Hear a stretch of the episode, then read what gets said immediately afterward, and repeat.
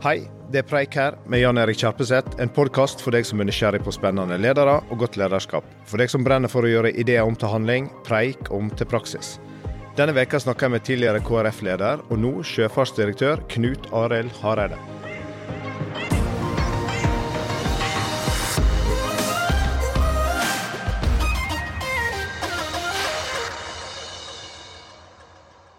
Du har vært leder i KrF mens det storma som verst. Du har vært miljøvernminister og samferdselsminister, direktør i mediekonsernet Skipsted, og nå styrer du det maritime Norge gjennom rollen som sjøfartsdirektør.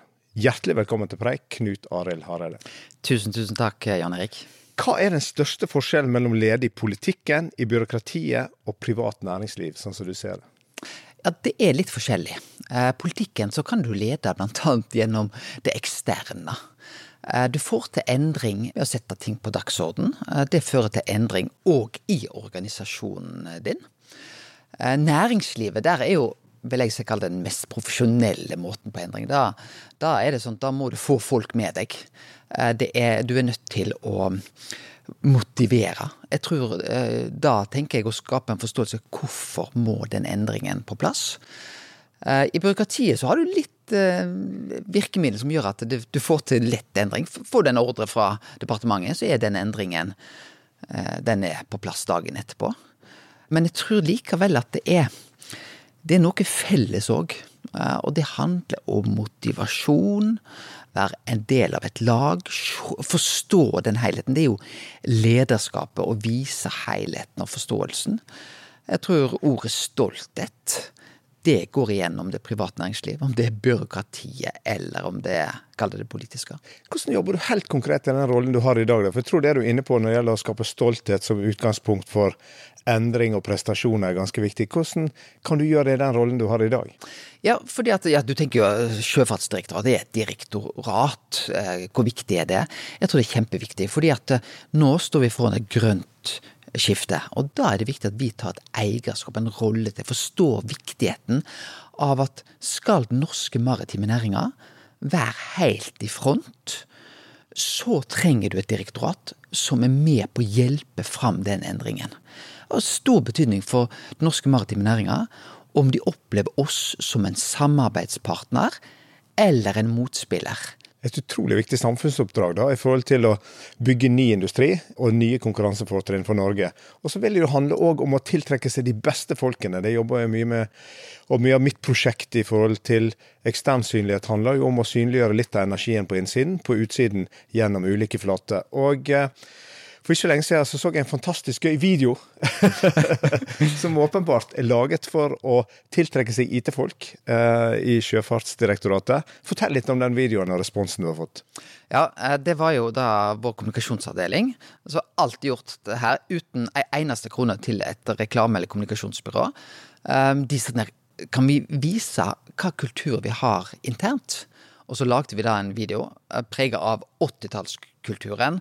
Eh, det var høye Det var mye eh, rosa og lyseblått. Og, og mye sjølironi. Ja.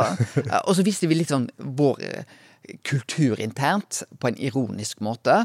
Og da var selvfølgelig jeg med på, på det. Og det førte til at vi fikk veldig mange IT-søkere. Fordi de ble kjent med oss. De forsto hva vi var.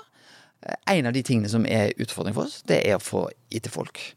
Eh, det skjer jo så mye, og vi digitaliserer veldig mye. Bare de siste månedene nå så har vi fått digitale eh, personlige skipssertifikat. Vi har òg fått eh, skipssertifikatene for skip som blir automatisert og digitalisert. Så vi trenger den type folk.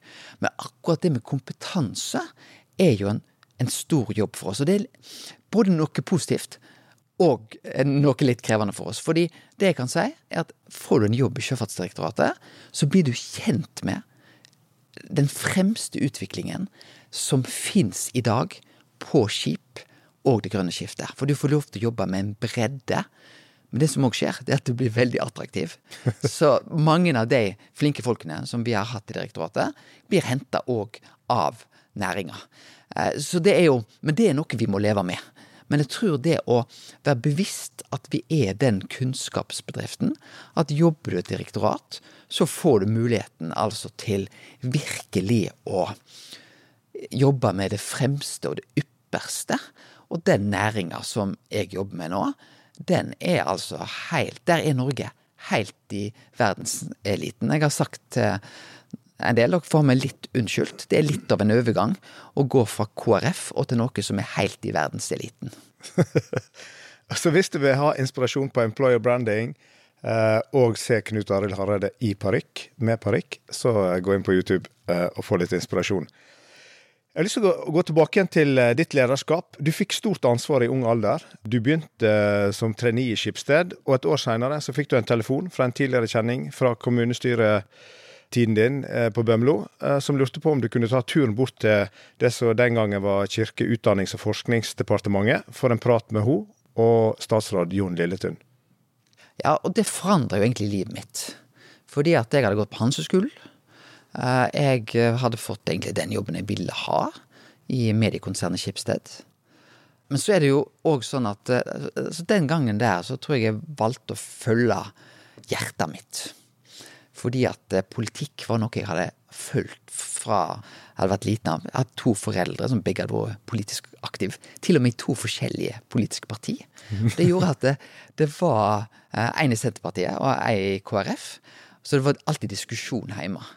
Og jeg husker jeg hadde fulgt partilederdebatter og utspørringer med Gro Harlem Brundtland, Kåre Willoch og, og Bondevik. Jeg til og med var en som så direkte den debatten der en Rødt-leder eh, sa at sauer er ålreite dyr.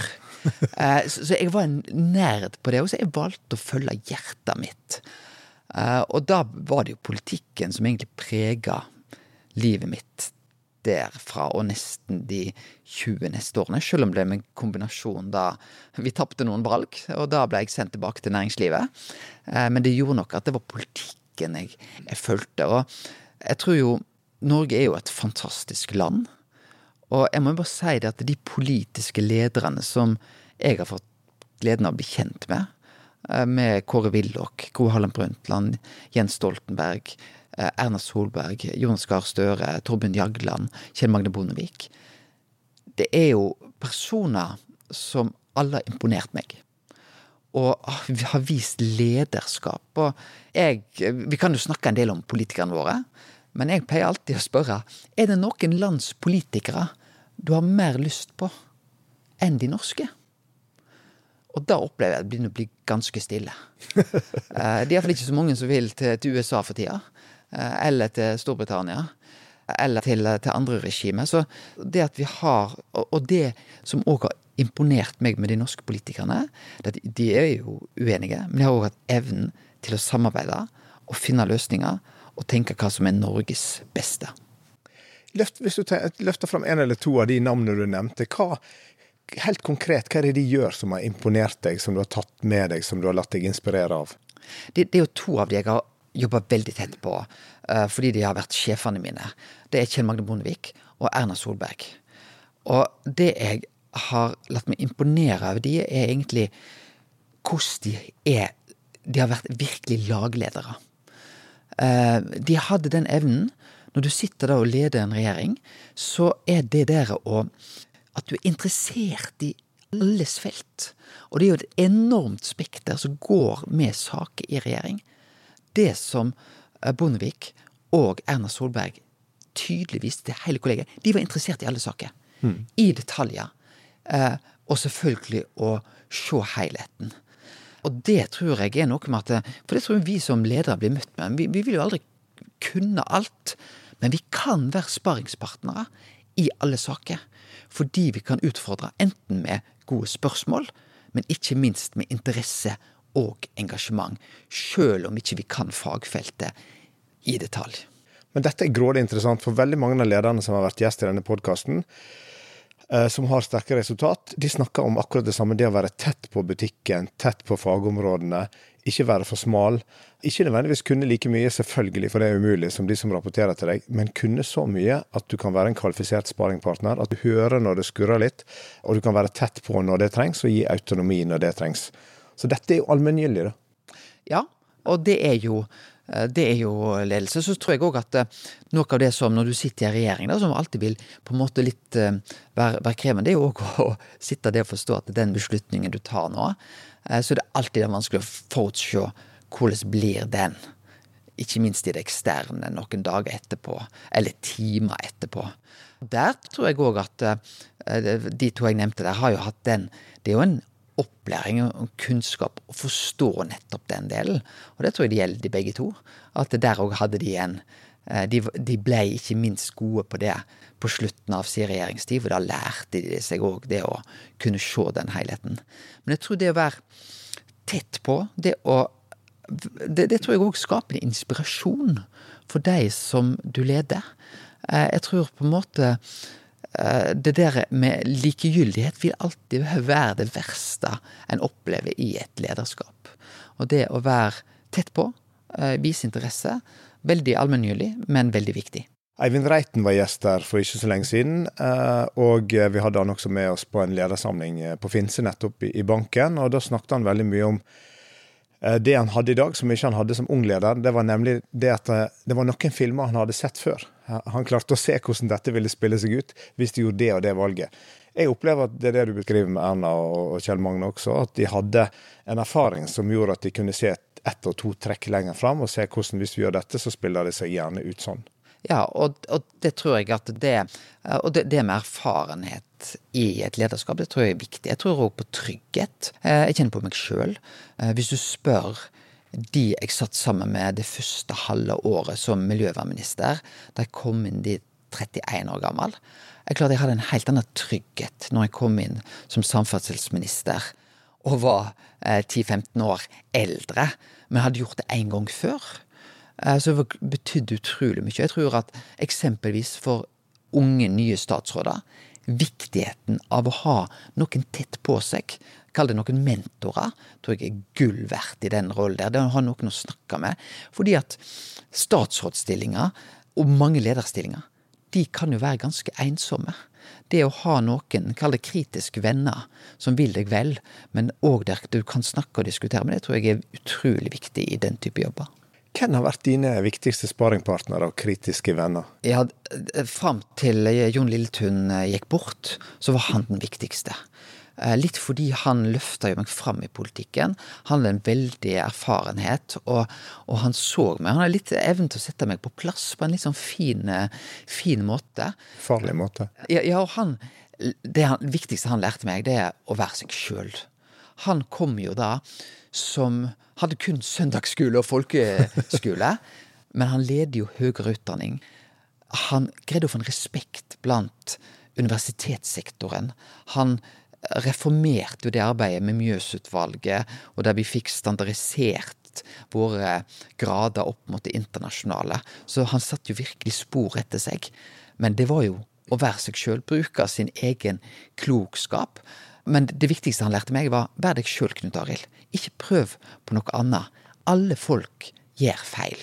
Alle folk vil det, det er det eneste vi veit. Men da må du være ærlig på det du gjør feil, og du må tørre å vise helheten av den du er.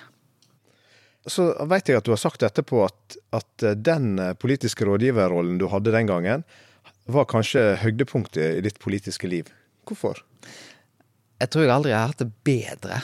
Jeg fikk Når du sitter som politisk rådgiver, så får jo du sitte i ledelsen i departementet. Og så var du litt fri fra alle problemene. Det var ikke, det var ikke jeg som prega forsidene. Eh, det var Ja, jeg jobbet av og til med noen eh, brannslukkinger, men det gjaldt ikke meg. Og, og, du var på en måte Det var eh, Folk forholdt seg til Lilletun. Og selv om de kalte meg Bitte Lilletun, så var det ikke Det var ikke meg de tenkte på. Så du fikk på en måte sitte på innsida av et lederskap. Jeg var 24-25 år gammel. Fikk være med å lede et departement. Fikk følge en sektor. Så jeg følte jeg fikk oppleve alt veldig ung. Og så eh, Det var litt Det var skyfritt. Litt sånn som Bergen i dag. Skyfritt. Eh, og eh, de andre lederrollene, så er det klart at jeg har tatt med meg noen bekymringer. Noen ikke søvnløse netter, for det har ikke jeg helt evnen til. Men det er klart at jeg har fått noen grå hår. Eh, og det tror jeg skyldes noen av de utfordringene eh, jeg òg har møtt eh, gjennom lederskapet jeg har hatt. Men helt tilbake igjen til starten. da. Du begynte i kommunepolitikken som 18-åring, da du ble valgt inn i kommunestyret på Bømlo.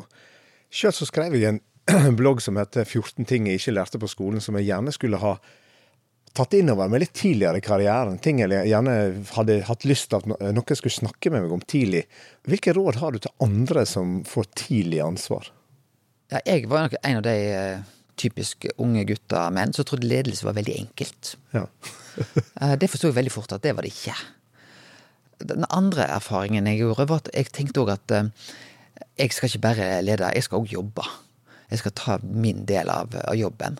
Og det gjorde nok at jeg fikk for lite tid på sjølve ledelsesdelen i en av mine første lederjobber.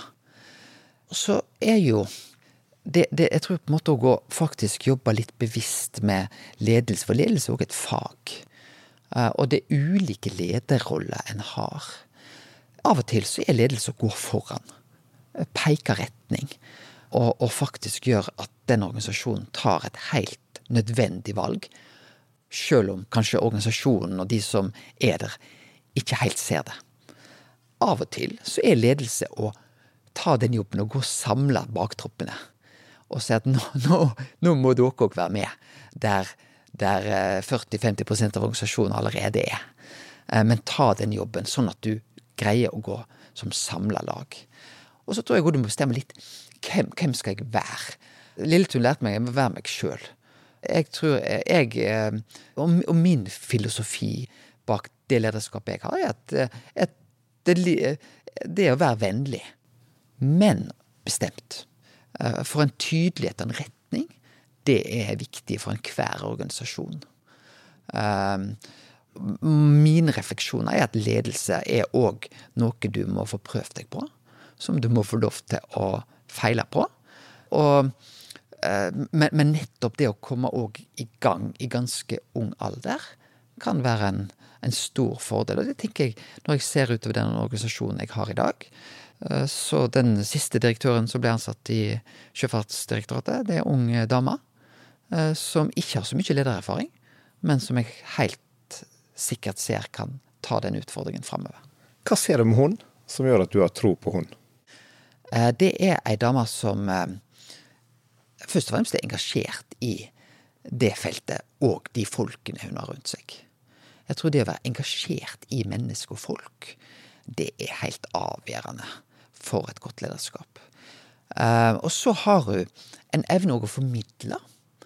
Uh, for det tror jeg er litt sånn det, det, det, er jo en del, sånn som meg, da, som kommer fra altså, Det å være politisk leder, da, da slipper du litt For eksempel å lede et departement. Eh, høres ut som det er en stor lederjobb. På et vis så er det ikke det, fordi at de store, krevende jobbene kan du gå til depp-rådene og si at det, det er litt utfordringer. Jeg håper du har løst dette i løpet av 14 dager. Det er veldig Jeg hadde ønsket meg en deppråd i Sjøfartsdirektoratet òg. Eh, det hørtes greit ut. Det er veldig greit. Men nettopp det at, at du, du, slipper litt unna de, Kall det den type lederjobber. I organisasjoner så tror jeg at da er jo nettopp det å jobbe via folk. Og da er engasjementet i mennesket og organisasjonen, selvfølgelig. Det tror jeg er det folk ser, da. Og da er jo òg den delen å formidle ting kjempeviktig. Eh, det er den måten jeg kan nå ut til min organisasjon eh, i å skape både begeistring, men òg fortelle hva er viktig for oss. Fortelle hva retning vi skal gå i. Eh, og jeg må, selv om det er et byråkrati, så må jeg få med meg folk på å fortelle hvorfor er det så viktig at vi ikke blir en satt etat, men en fremoverlent etat som er med på å utvikle næringen. Det er jobben min mot, mot de som jeg har i min organisasjon. Og så opplevde jeg òg at når jeg sjøl ble leder i ung alder, så strevde jeg veldig med å få gjennomslag. Jeg bruker gjerne begrepet autoritet, men, men det var hyggelig og, og, vel og bra at folk tok bra mot meg og syntes bra om meg og sånt, og ville hjelpe meg og sånt, men jeg trengte jo også gjennomslag, da. Eh, du snakket litt om det i stad, i forhold til å ville noe, være litt bestemt. Også være bevisst på den siden som skal gjøre at du blir lyttet til, og at, eh, at det er litt fast fisk der, da.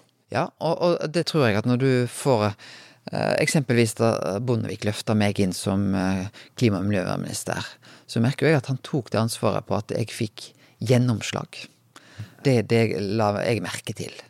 At eh, det første året jeg kom inn i regjering, så, så merka jeg at han tok det ansvaret. og da var det én yngre enn de andre.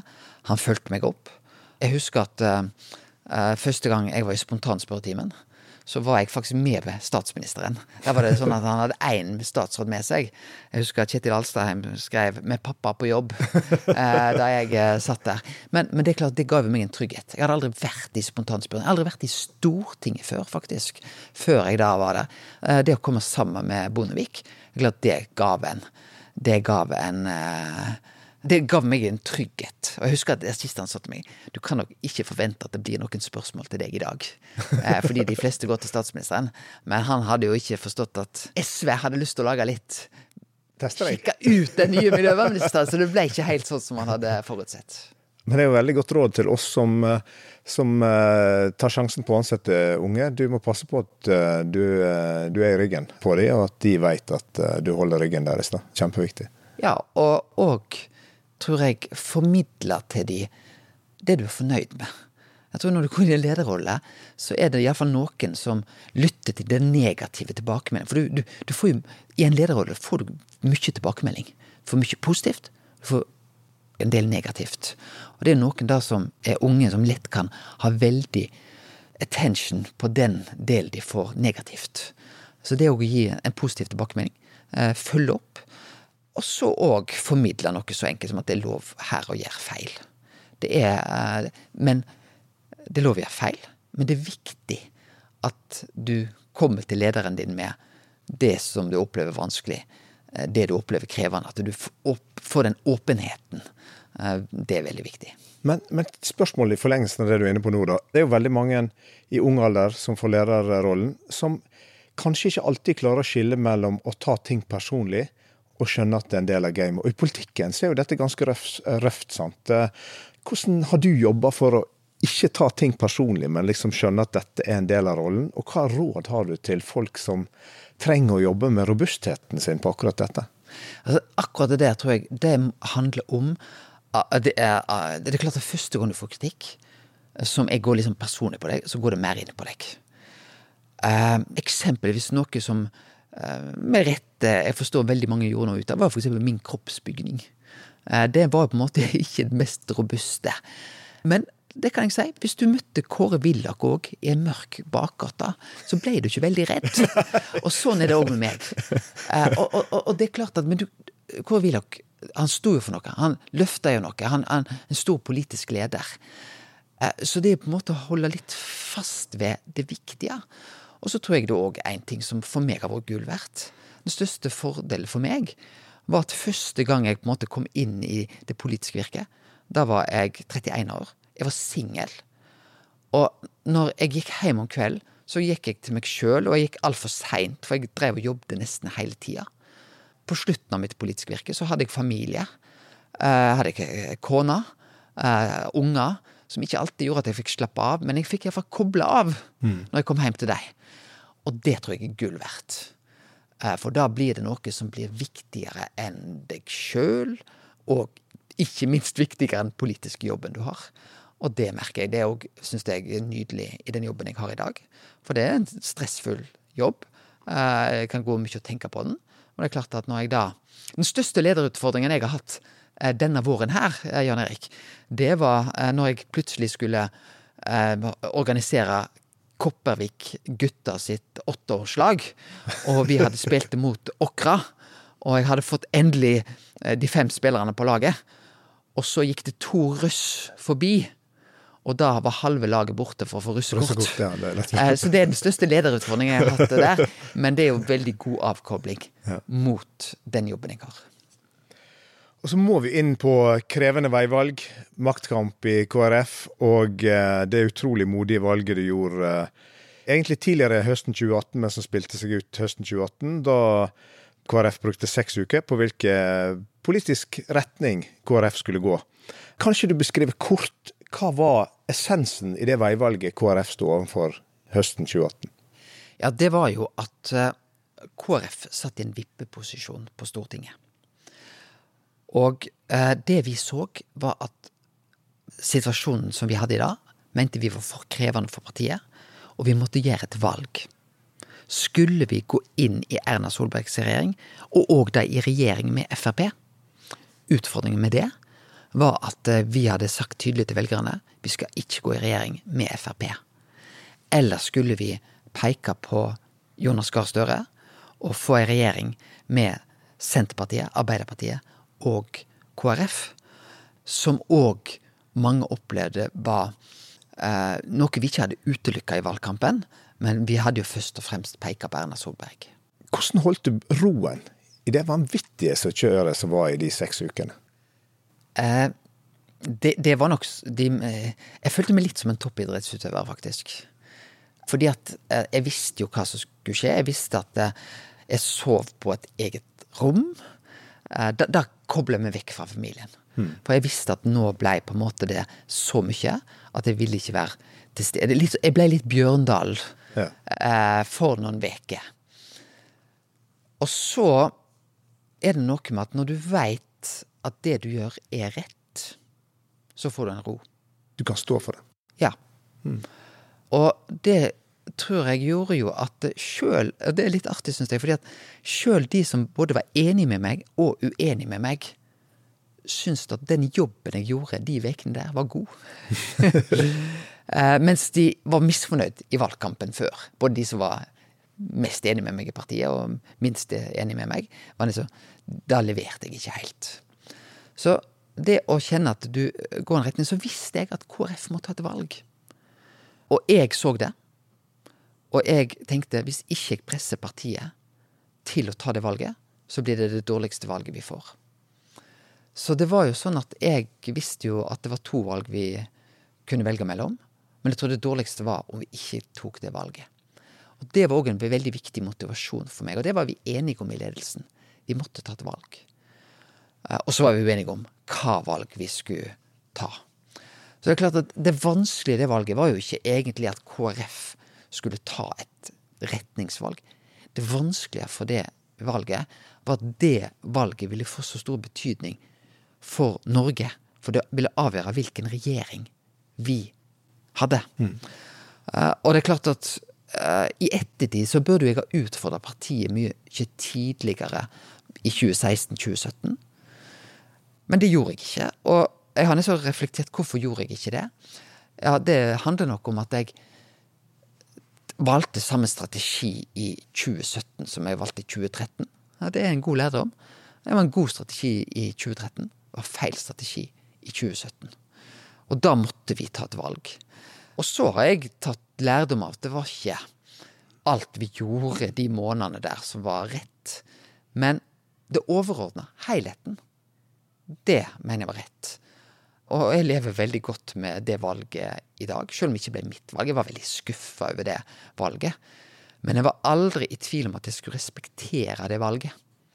Og bli med på laget videre, sjøl om jeg tapte. Jeg har lest at kona di beskrev dette som vinn-vinn. Enten så vant du i politikken, eller så vant hun dere deg tilbake igjen på privaten. Ja, men det opplevde nok ikke jeg helt. Fordi, for, det klart, for det var en skuffelse. Eh, for jeg visste at det, det måtte få konsekvenser for meg. Jeg var, jeg ville, den som hadde pekt retningen, måtte være den som leda videre. Det var jeg helt sikker på. Noe med, jeg hadde ikke hatt en troverdighet. Eh, jeg hadde takka nei til å gå inn i regjering med Frp i eh, fire-fem år. Hvorfor skulle jeg plutselig ønske det? Jeg hadde lovt velgerne at vi ikke skulle gå inn i regjering med Frp. Så at, måtte, at det fikk på en måte en personlig nedtur for meg om å gå av, det visste jeg. Men jeg tenkte det valget måtte partiet ta. Og så var vi uenige om hva som både ville være best for Norge og best for KrF. Uh, men jeg kan jo si det at de som på en måte jeg var mest uenig med, greide jeg likevel å ha et godt menneskelig forhold til. Det er ikke noe galt i å være uenig. Så det er klart at det ble jo litt debatt om hva spilleregler hadde vi uh, rundt det. Uh, det er litt sånn ettertidsrefleksjon, men jeg er likevel ikke med på å ta vekk det store bildet. Var at uh, vi måtte ta et valg. Vi var uenige. Vi takla uenigheten, og partiet tok et valg. Men det, det, du er inne på er jo veldig tror jeg, gjenkjennbart i ledelse. En utsetter retningsvalg eller ubehagelige beslutninger litt i det lengste. Ja, og det tror jeg er og, og, og, og, så har jeg på en måte jeg, kan, jeg har mange gode forklaringsparametere på hvorfor det ble på den måten der. Uh, men jeg har tenkt at det var jo uh, det, Jeg gjorde ikke noe feil 2018, men jeg gjorde noe feil 2016 at jeg ikke tok den diskusjonen den gang. Men når det først ikke var skjedd, så måtte retningsvalget likevel komme. Og da måtte det komme på et tidspunkt. Og så tror jeg òg det er en lærdom at Og noe av det jeg syns var flott, da, er jo at du kan stå for noe. Du kan tape. Og du kan uh, likevel på mange måter komme litt styrka ut av det personlig. og, og, og For jeg opplevde jo Eh, selv om jeg tenkte jeg var veldig skuffa over å ha tapt, så opplevde jeg egentlig en personlig opptur etter valget var tatt i 2018, fordi at eh, folk så at jeg hadde tatt, gjort et verdivalg, og fikk respekt for det. Litt eh, mindre alvorlig helt til slutt. Jeg har eh, sett at du, når du satt på Stortinget, så jogger du til og fra eh, Stortinget, stemmer det? Er det en måte på å prøve å få litt distanse til det du jobber med i hverdagen? Det er faktisk Akkurat nå kan jeg komme med en nyhet. Sjøfartsdirektoratet, der blir det nå lov å trene én time i arbeidstida hver uke. Som en prøveordning. Kanskje blir det to timer om For meg handler jo dette litt om avkobling. Hvis jeg skal holde taler, så syns jeg den beste måten å forberede seg på, det er å ta en løpetur. Og i går kveld så tok jeg en løpetur for å tenke gjennom hva har jeg lyst til å si når jeg treffer sjølveste Jan Erik Kjerpseth eh, i preik. Og det er noe med at da tenkte det er noen av de tingene jeg hadde lyst til å komme inn på. Og i bakhodet mitt nå så kan jeg si at jeg er nesten eh, 60% av den lista allerede. Du, du, fleipet jo litt med kroppsholdningen din i stad, men du eh, er jo kåra til, tilbake igjen i tid. Som 32-åring ble du kåra til årets mest sexy mann. Jeg har lest at uh, når du var miljøvernminister, så fikk du frierbrev Jeg har lyst til å kommentere den, den, saken der. fordi at uh, dette var jo da uh, i 2004-2005. Og det at jeg ble kåret til Norges mest sexy mann, er kåret til den mest forunderlige nyheten fra det tiåret. og det er jeg for så vidt helt enig i. Men det viste seg Jan Erik, at akkurat det året der så var det altså ikke damene som kåra den mest sexy mannen, men det var Homsepatruljen. For Homsepatruljen hadde stått opp i 2004-2005, så de kåra den. Og jeg har snakket med noen av de personene i Homsepatruljen som var med og kåra, og de, de sa de hadde jo egentlig lyst til å kåre Morten Gamst Pedersen, men de følte så synd på meg at de valgte meg. Så det er viktig. Gå bak eh, nyhetene. Gå grundig og sjekk fakta. Det er òg viktig i lederskap. Tusen takk for at du ville være med i Preik, Knut Arild Hareide. Tusen takk.